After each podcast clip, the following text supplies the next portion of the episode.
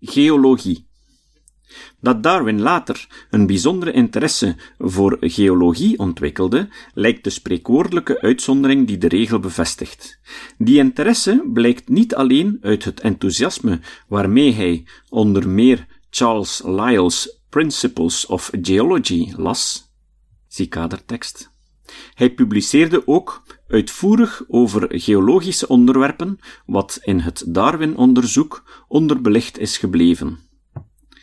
Gavin de Beer wijst er terecht op dat Darwin tijdens de reis met de Beagle allereerst het plan opvatte om een geologisch werk te schrijven over de plaatsen die hij bezocht. Met andere woorden, het was in de hoedanigheid van geoloog dat Darwin voor het eerst een indruk van zichzelf als auteur kreeg. 1976, pagina 58. De drie delen van Darwin's Geology of the Beagle verschenen respectievelijk in 1842, 1844 en 1846.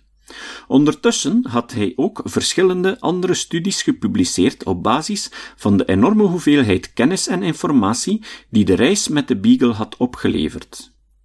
Journal of Researches werd in 1839 gepubliceerd in twee delen.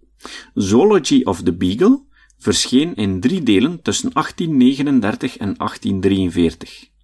Darwins geologisch onderzoek was van fundamenteel belang voor zijn latere biologische opvattingen.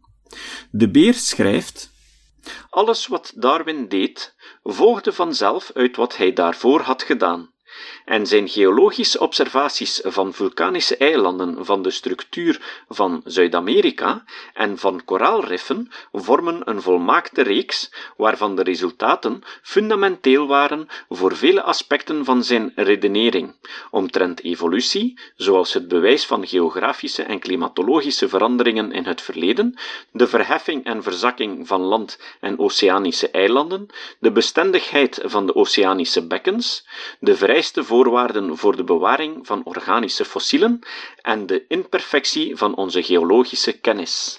1976, pagina's 56 tot 57.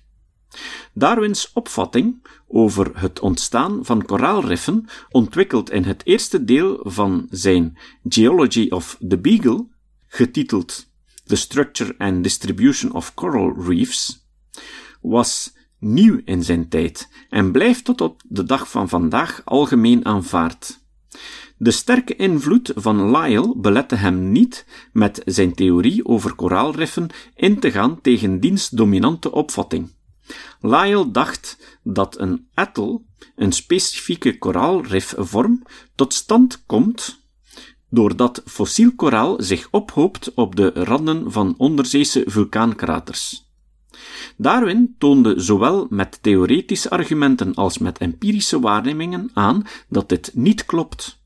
Het platform waarop koraal groeit heeft niets te maken met vulkanen, wel met het zinken van een eiland waartegen zich koraalkolonies ontwikkelen. Naarmate een eiland wegzinkt, groeit het koraal hoger, hierbij een ring vormend rond het eiland. Wanneer uiteindelijk ook de top van het eiland onder water verdwijnt, ontstaat een atoll, waarvan de rand uitsluitend uit koraal bestaat. Darwins theorie weerlegde Lyell's opvatting, maar was wel binnen diens uniformitaristische geologie geformuleerd. In feite was een rechtstreeks gevolg van zijn overstap naar het uniformitarisme door de lectuur van Lyell's werk. Lyell was al op de hoogte van Darwins opvattingen toen die zich nog aan boord van de Beagle bevond en was er opgetogen over. Hij schreef aan wetenschapsfilosoof John Herschel dat hij zich verplicht zag zijn opvattingen over vulkaankraters op te geven.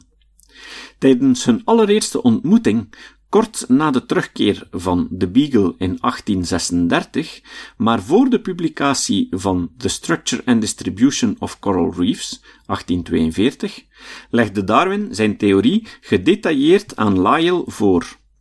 De beer merkt hierover op. In het begin van zijn vriendschap onderwees de leerling zijn meester, en het pleit zeer voor het karakter van beide mannen dat deze ommekeer van de normale relatie tussen leraar en leerling hun onderlinge band versterkte. 1976, pagina 71.